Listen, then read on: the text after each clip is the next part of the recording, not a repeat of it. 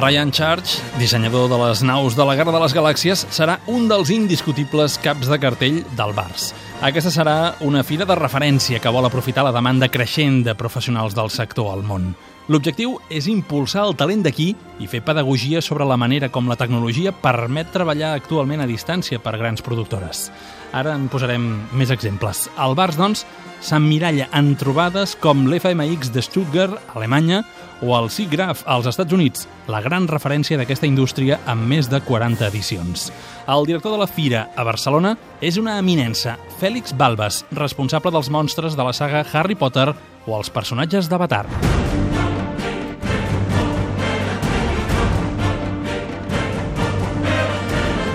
De mare catalana, pare gallec i nascut a Milà, Fèlix Balbas fa un any i mig que s'ha instal·lat a Barcelona i està convençut del potencial de la ciutat i el talent del país per impulsar aquest sector. Com a infraestructura és molt bona Barcelona, sí, té aquestes dues coses, la part humana i la part de serveis i infraestructura. I té mentalitat per obrir-se a l'estranger, que és una cosa essencial també pel nostre treball perquè hi ha molta gent que viatja, que ve i se'n va ve un projecte, sis mesos es porta tota la família, llavors se'n va saps? ha de ser una ciutat preparada per aquest tipus de cosa també. Què li falta però a la ciutat? L'oficialitat del talent que té, que ja té i ja es coneix en el meu sector, ja tothom coneix la capacitat creativa que té Barcelona, però li falta pues, a l'escaparate, no? la, la, la, la vitrina oficial, a dir, bueno, totes aquestes coses ja s'han fet a Barcelona i Barcelona està preparada a fer més.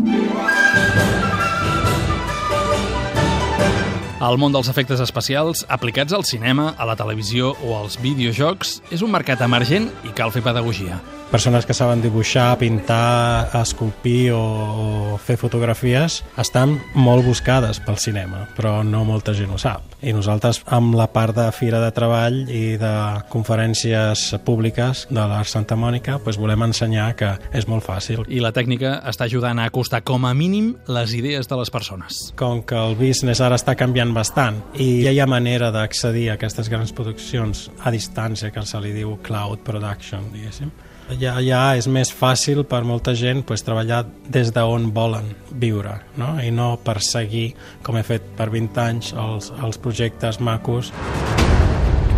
Posem exemples d'aquesta globalització. A l'estudi Grangel, per exemple, són dos germans que dissenyen personatges per dibuixos animats i eh, dibuixant els personatges principals de les pel·lícules de la DreamWorks. Els varios eh, Kung Fu Panda o Madagascar els han dissenyat ells i no molta gent ho sap. I des de casa seva, des d'aquí. O Post 23, una companyia de postproducció aquí de Barcelona que ha treballat i ha fet molt bé per Ender's Games, no? los juegos de Ender, etc. etc. Hi ha molts exemples d'aquests i cada vegada més fàcil.